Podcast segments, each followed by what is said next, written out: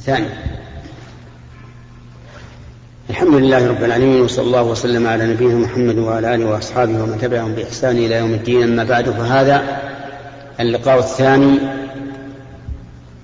لشهر جماد الأولى عام أربعة عشر وأربعمائة وألف الذي تقرر أن يكون أسبوعيا كل خميس. نسأل الله تعالى أن ينفع به وأن يجعل عملنا جميعا خالصا لوجهه الكريم. فنذكر الكلام على قول الله تبارك وتعالى والسماء والطارق وما أدراك ما الطارق النجم الثاقب إن كل نفس لما عليها حافظ. هذه آيات كريمة تتضمن القسم بالسماء وبالطارق.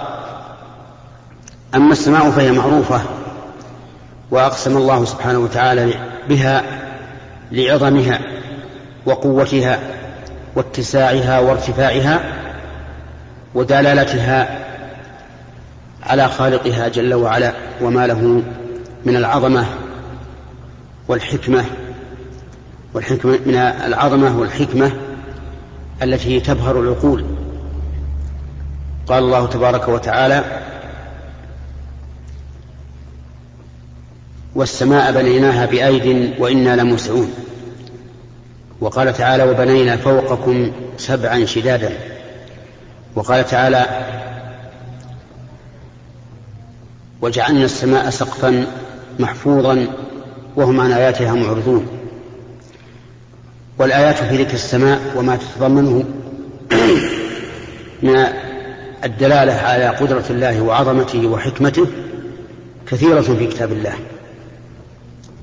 ولهذا كانت جديرة بأن يقسم الله تعالى بها. أما القسم الثاني فهو الطارق. أقسم الله تعالى بالطارق وهو النجم. وسمي طارقا. لأنه لا يتبين إلا بالليل. والطارق في اللغة العربية هو القادم ليلا كما جاء في الحديث عن رسول الله صلى الله عليه وعلى آله وسلم أنه نهى أن يطرق الرجل أهله ليلا. فسمي النجم بذلك لأنه لا يتبين ضوءه إلا في الليل فسمي طارقا. وليس هذا الوصف خاصا بالثريا ولكنه عام لكل نجم سواء كان نوره قويا أو كان نوره خفيا. وأقسم الله تعالى بالنجوم لأنها زينة للسماء ورجوم للشياطين التي تسترق السمع وعلامات يهتدى بها. كما قال الله تعالى ولقد زينا السماء الدنيا بمصابيح وجعلناها رجوما للشياطين وقال تعالى وألقى في الأرض رواسي أن تميد بكم وأنهارا وسبلا لعلكم تهتدون وعلامات وبالنجم هم يهتدون فبالنجم يهتدي الخلق إلى الجهات الأربع الشمال والجنوب والشرق والغرب. ويهتدون أيضا إلى اتجاه القبلة. كما يعرف ذلك من يمارس هذا الاستدلال. وإن كان الناس في عصرنا هذا نظرا لوجود الآلات التي تعين هذا بدون كلفة ولا مشقة قد غفلوا عن هذه العلامات ولكنها لا تزال موجودة. يعرفها من تتبعها وشاهدها وسبر سيرها. وما أدراك ما الطارق النجم الثاقب. وما أدراك ما الطارق هذا استفهام تفخيم. يعني أي شيء أعلمك بشأن هذا الطارق الذي هو النجوم ثم بينه عز وجل بقوله النجم الثاقب أي هو النجم الثاقب الذي يثقب الظلام بضيائه. مأخوذ من ثقب المسمار للخشبة فهو يشق الظلام حتى يصل بنوره إلى الأرض. وهذا لا يتبين في وقتنا الحاضر لأن لأن الأرض مملوءة بأنوار الكهرباء. ولكن لو خرجت إلى البر بعيدا عن عن مواضع الكهرباء لرأيت إضاءة النجوم على الأرض ظاهرة. ويتبين ظهورها فيما إذا أظلمت السماء بالغيوم حيث تكون الأرض مظلمة أشد. ولهذا سمى الله سبحانه وتعالى النجم بالثاقب لأنه يثقب الظلام بضيائه أي يخرقه حتى يصل إلى الأرض. ثم بين الله المقسم عليه بقوله إن كل نفس لما عليها حافظ. إن هنا بمعنى ما. وكلما جاءت إلا بعد إن فإن إن بمعنى ما. يعني ما كل نفس. ولما هنا بمعنى إلا. أي ما كل نفس إلا عليها حافظ. كل نفس عليها حافظ. له معقبات من بين يديه ومن خلفه يحفظونه من أمر الله. وكل نفس عليها حافظ. يكتب ما يفعله الإنسان. وإن عليكم لحافظين كراما كاتبين يعلمون ما تفعلون. وإنما أخبرنا الله عز وجل بذلك وأقسم عليه مؤكدا له من أجل أن نحذر وأن نتجنب كل ما يكتب علينا من المعاصي إما بتركه من الأصل وإما بالتوبة منه. إن وقع منا وكل بني آدم خطأ وخير الخطائين التوابون. فالمؤمن إذا علم أن عليه حافظا يكتب ما يقول ويفعل فإنه لا شك يحذر ويخاف أن يكتب عليه ما يفعله من المعاصي والمخالفات كما قال الله تبارك وتعالى في سورة قاف ما يلفظ من قول إلا لديه رقيب عتيد. ونقتصر على هذا القدر من الكلام على هذه الآيات الكريمة لنوفر الوقت للإجابة على الأسئلة كما اقترحوا أحد الأخوان. فنبدأ من على اليمين. على آله وصحبه أجمعين فضيلة الشيخ محمد السلام عليكم ورحمة الله وبركاته. السلام ورحمة الله وبركاته. سائل يسأل يقول إن أبي قد أعطاني قطعة من الأرض ولي أشقاء أحياء فهل هذا الفعل من الأب؟ يجوز علما بأنه قد قدم أو قد بنى لأبيه بيتا وكان هذا العمل الذي بنى المعطى. نعم المعطى بنى بيتا وهذا العطية أو الهبة التي أعطاها أبوه يعني تمييزا له من دون أخوانه. فهل هذا الفعل يجوز وهل له دخل بالورث وهل إعادة هذا الأمر آه، بعد وفاة الأب بعد أن يموت؟ وجزاكم الله خيرا. بسم الله الرحمن الرحيم. الأصل أنه لا يحل للوالد أن يعطي أحد أولاده من بنين أو بنات شيئا إلا إذا أعطى الآخرين مثله. لأن بشير بن سعد الأنصاري رضي الله عنه أعطى ابنه النعمان بن بشير عطية فأتى إلى إلى النبي صلى الله عليه وعلى آله وسلم ليشهده على عطية ابنه. فقال له ألك بنون؟ قال نعم. قال أنا حلتهم مثل هذا؟ قال لا. فقال النبي صلى الله عليه وعلى آله وسلم اتقوا الله واعدلوا بين أولادكم. وقال له أيضا أشهد على هذا غيري فإني لا أشهد على جور فلا يجوز للأب أن يخص أحد أولاده من بنين أو بنات بشيء إلا إذا أعطى الآخرين مثله. أو إذا سمحوا وطابت نفوسهم عن اختيار ورضا وهم مرشدون فإن هذا أيضا لا بأس به.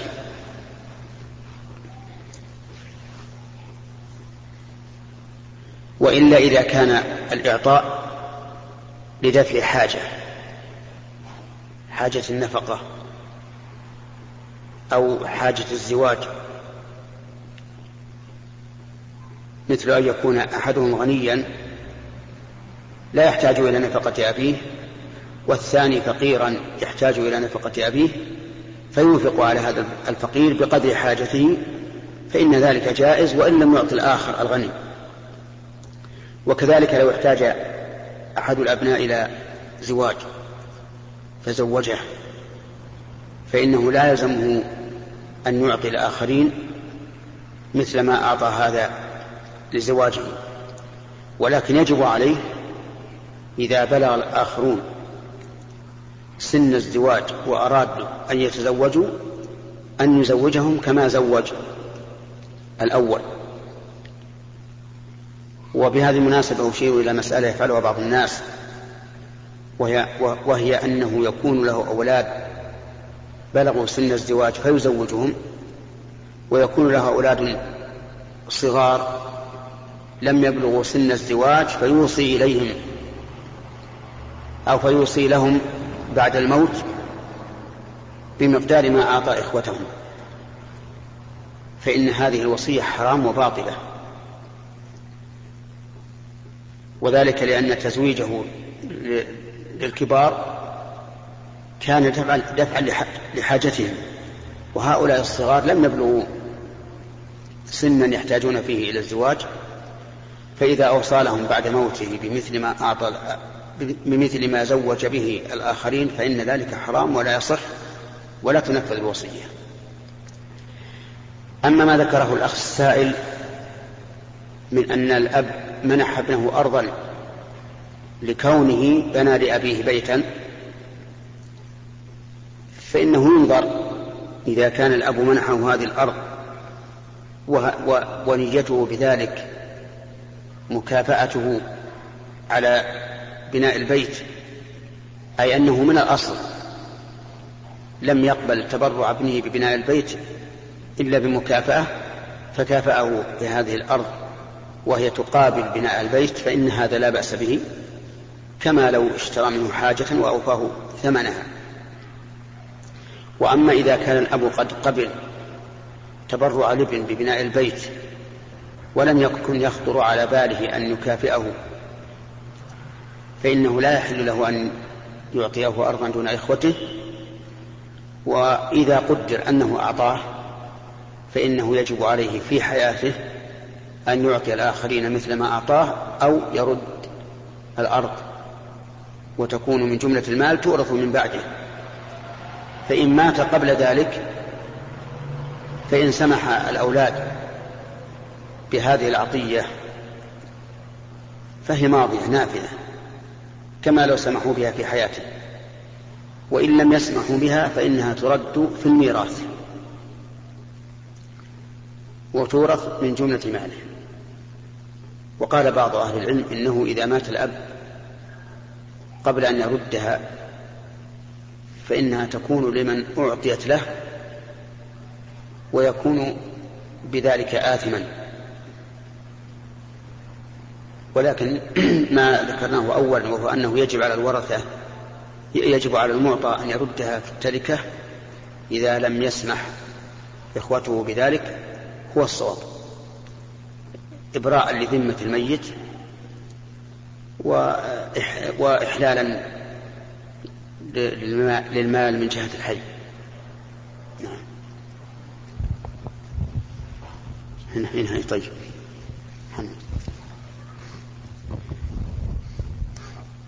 ما في ثاني؟ الله يسلمك يا شيخ. أقول في بعض الساعات شيخ تكون مطلية بل وش حكم لبسها؟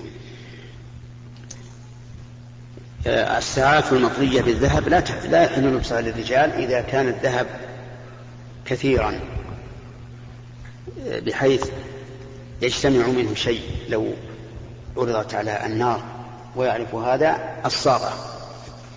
أما إذا كان مجرد لون فلا بأس بها لا بأس بلبسها للرجال لكني أنصح بعدم اللبس بعدم لبسها. لأنه إذا لبس لبسها اتهم بأنه يلبس الذهب. وصار ذلك سببا للقدح فيه. أو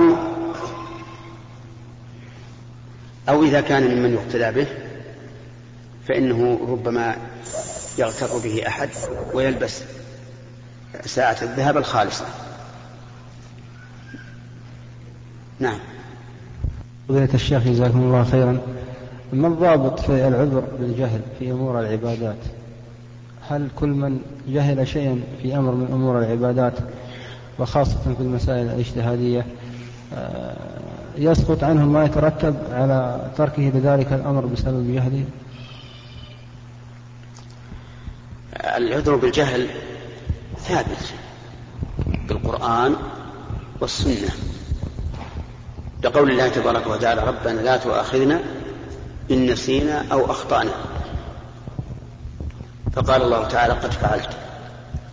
ولقوله تعالى وليس عليكم جناح فيما أخطأتم به ولكن ما تعمدت قلوبكم. أي ما تعمدت قلوبكم فعلة على وجه المخالفة للشرع. وكذلك في السنة ثبت عن النبي صلى الله عليه وعلى آله وسلم عدة قضايا تدل على العذر بالجهل. منها ما ثبت في صحيح البخاري عن أسماء بنت أبي بكر رضي الله عنهما أنهم أفطروا في يوم غيم على عهد النبي صلى الله عليه وعلى آله وسلم ثم طلعت الشمس ولم يؤمروا بالقضاء. ومنها حديث علي بن حاتم رضي الله عنه حين أصبح صائما فكان يأكل وقد وضع تحت وسادته عقالين أحدهما أبيض والثاني أسود وجعل يأكل حتى تبين له العقال الأبيض من العقال الأسود فأمسك فأخبر بذلك النبي صلى الله عليه وعلى آله وسلم فبين له النبي صلى الله عليه وعلى آله وسلم أن المراد بذلك بياض النهار وسواد الليل. وليس بياض الخيط الذي هو الحبل الأبيض من الأسود. ولم يأمره النبي صلى الله عليه وسلم بالإعادة. ثم إن الله سبحانه وتعالى قال في كتابه رسلا مبشرين ومنذرين لئلا يكون للناس على الله حجة بعد الرسل. وهذا يدل على أنه إذا لم يكن رسل فإنهم فإن لهم الحجة على الله. وكذلك لو كان لهم رسل لكن لكن لم يعلموا بذلك.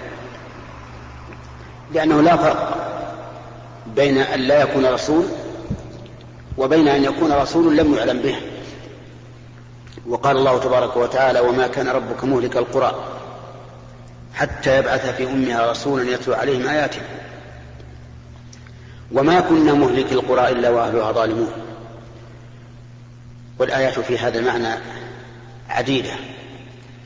لهذا نقول كل إنسان فعل شيئا محرما جاهلا به فإنه ليس عليه إثم ولا يترتب عليه عقوبة لأن الله تعالى أرحم من أن يعذب من لم يتعمد مخالفته ومعصيته. ولكن يبقى النظر إذا فرط الإنسان في طلب الحق بأن كان متهاونا رأى ما عليه الناس ففعله دون أن يبحث فهذا قد يكون آثما بل هو آثم بالتقصير في طلب الحق. وقد يكون غير معذور في هذه الحال وقد يكون معذورا إذا كان لم يطرأ على باله أن هذا الفعل مخالفة وليس عنده من ينبهه من علماء ففي هذه الحال يكون معذورا. ولهذا كان القول الراجح أنه لو عاش أحد في البادية بعيدا عن المدن. وكان لا يصوم رمضان. ظنا منه أنه ليس بواجب. أو كان يجامع زوجته في رمضان. ظنا منه أن الجماع حلال. فإنه ليس عليه قضاء. لأنه جاهل. ومن شرط التكليف بالشريعة أن, يب... أن تبلغ المكلف فيعلمها. إذا الخلاصة أن الإنسان يعذر بالجهل لكن قد لا يعذر في تقصيره بطلب الحق. بسم الله الرحمن الرحيم. يسأل سائل يقول هل بهاق اليسير من عيوب النكاح؟ هل؟ البهاق اليسير من عيوب النكاح؟ نعم. يعني لو وجد الرجل في زوجته بهاقا فهل هو عيب؟ والجواب نعم هو عيب. لا شك لأن الإنسان ينفر من هذا ولا يمكن أن يركن إلى زوجته. اللهم إلا بعض الناس. لكن هو عيب سواء في الرجل أو في المرأة. حتى الرجل لو كان به بهاق وتزوجته المرأة غير عالمة به فإنه عيب لها أن تفسخ النكاح به. ولكن إذا إذا كان هذا البهاق أو البهاق مما يمكن معالجته. فإن الأولى والأفضل الصبر حتى ينظر هل يبرأ بالمعالجة أو لا يبرأ. لأن الفراق والطلاق ليس بالأمر السهل. أما إذا أويس من من من برئه فإنه عيب. بل وإن لم ييأس إذا كانوا لم لم يعالجوه. الحاصل أن البهاق أو البهاق لا أدري هل بالضم أو بالفتح عيب سواء كانت في الرجل أو في المرأة. ولكن إذا كان في الرجل فللمرأة فسخ تطالب أن تفسخ النكاح وينفسخ النكاح وتزوج غيره. لكن إذا كان في المرأة فالرجل معلوم أنه يجوز أن يطل أن يفارق زوجته بالطلاق. لكن فائدة قولنا أن إن له الفسخ أنه إذا فسخ من أجل هذا العيب فله أن يرجع بالمهر بالصداق. على من غره. ها؟ إي نعم يأثم. الرجل يأثم والمرأة تأثم. إذا كان فيه هذا العيب أو غيره من العيوب التي تمنع من كمال الاستمتاع بالمرأة واستمتاع المرأة به فإن كتمانه لا شك أنه حرام. يعني لو فرض أن الرجل ما يستطيع أن يجامع مثلا ولم يخبر ولم يخبر الزوجه بذلك فإن هذا عيب ويحرم عليه يجب أن يبين. المهم كل عيب ينفر الإنسان عن عن الآخر بمقتضى الطبيعة فإنه يجب على من اتصف به أن يخبر الآخر.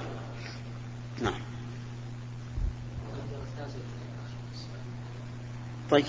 إذا إذا إذا تم الدخل اسأل. الحمد لله رب العالمين. أول شيء يا شيخ أن أشهد الله على حبك.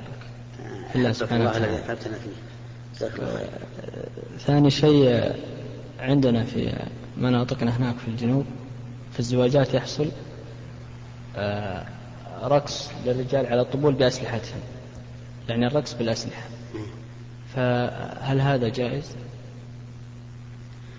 أولا بارك الله فيك اعلم أن الأصل في المعازف أنها حرام ومنها الطبول ولا يحل منها إلا ما ورد الشرع به والذي ورد به الشرع هو الدف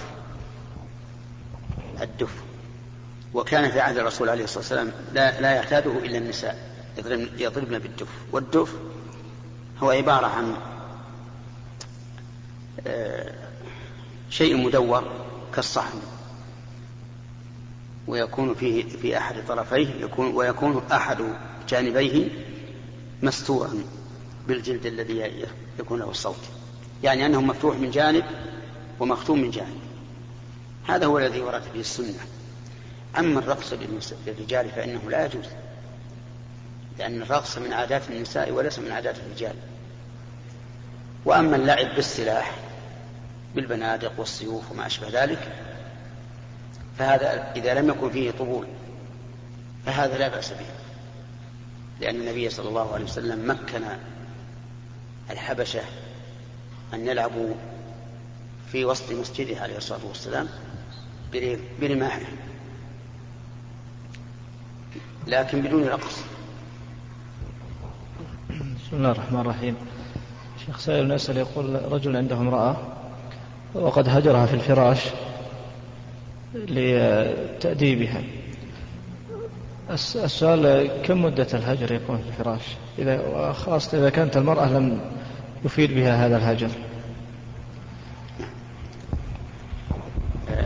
ذكر الله سبحانه وتعالى في كتابه العزيز ثلاث مراتب أو ثلاث مراحل فقال واللاتي تخافون نشوزهن فعظوهن. وهذا أول ما يبدأ به الإنسان. واهجروهن في المضاجع هذه المرتبة الثانية أو المرحلة الثانية. واضربوهن. هذه المرحلة الثالثة. فإذا لم يفد بها الهجر فإنه يضربها. لكن ضربا غير مبرح. يعني غير مؤلم وموجع لأن المقصود هو التأديب. ولكن لا يلجأ إلى الضرب إلا في الحالة القصوى. لأن الرسول عليه الصلاة والسلام أنكر هذه الحال أن يجلد الرجل امرأته جلد العبد ثم يضاجعها. لأن هذا شيء غير ممكن بمقتضى الطبيعة. فكيف تألف المرأة رجلا ضربها قبل ساعات ثم الآن يضاجعها. هذا بعيد في النفوس والفطر. لهذا لا يلجأ إلى الضرب بعد الهجر الذي لم يفد إلا في في حال الضرورة القصوى ثم إن إن صلحت الحال وإلا فيحكم رجلان. حكم من أهله وحكم من أهلها ويصلح بينهما. و و و ويجب على هذين الرجلين أن يتقي الله عز وجل وأن يأخذ بالعدل وأن يريد الإصلاح. وقد قال الله تعالى إن يريد إصلاحا يعني الزوج والزوجة والحكمان يوفق الله بينهما. نعم. شيخ أحسن الله إليك. آه، في بداية تفسير قول الله تعالى آه، والسماء والطارق. آه، إن الله عز وجل أقسم بالسماء. فنحن عند القراءة نقول والسماء فهل هذا يعتبر قسم؟ تقول تقول. في أثناء القراءة نقول والسماء. في قوله تعالى إن الله عز وجل أقسم والسماء والطارق. نعم. فهل أقسم بالسماء. نعم. فقال والسماء والطارق. والسماء والطارق. فنحن عند القراءة نقول والسماء والطارق. نعم. فماذا يعتبر هذا؟ هذا قسما وما هو الضابط في هذا؟ تلاوة القرآن تلاوة؟ أي نعم. نعم. هذا تلاوة لكلام من, من تكلم به عز وجل. لا أنا الآن لو أردت أن أقسم أن أقسم بالسماء والطارق نعم. فأقول والسماء والطارق إن فلانا حضر مثلا. كان هذا حراما لكن إذا تلوته فأنا أخبر بما أقسم الله به. نعم. يعتبر خبر. عرفت؟ نعم. الخبر ما فيها شك. لكن لو أردت أقسم به الآن من جديد أقول والسماء والطارق إن فلان اللي حضر من فضلك. اقلب كان هذا حرام. لأن الحلف بغير الله شرك. بارك الله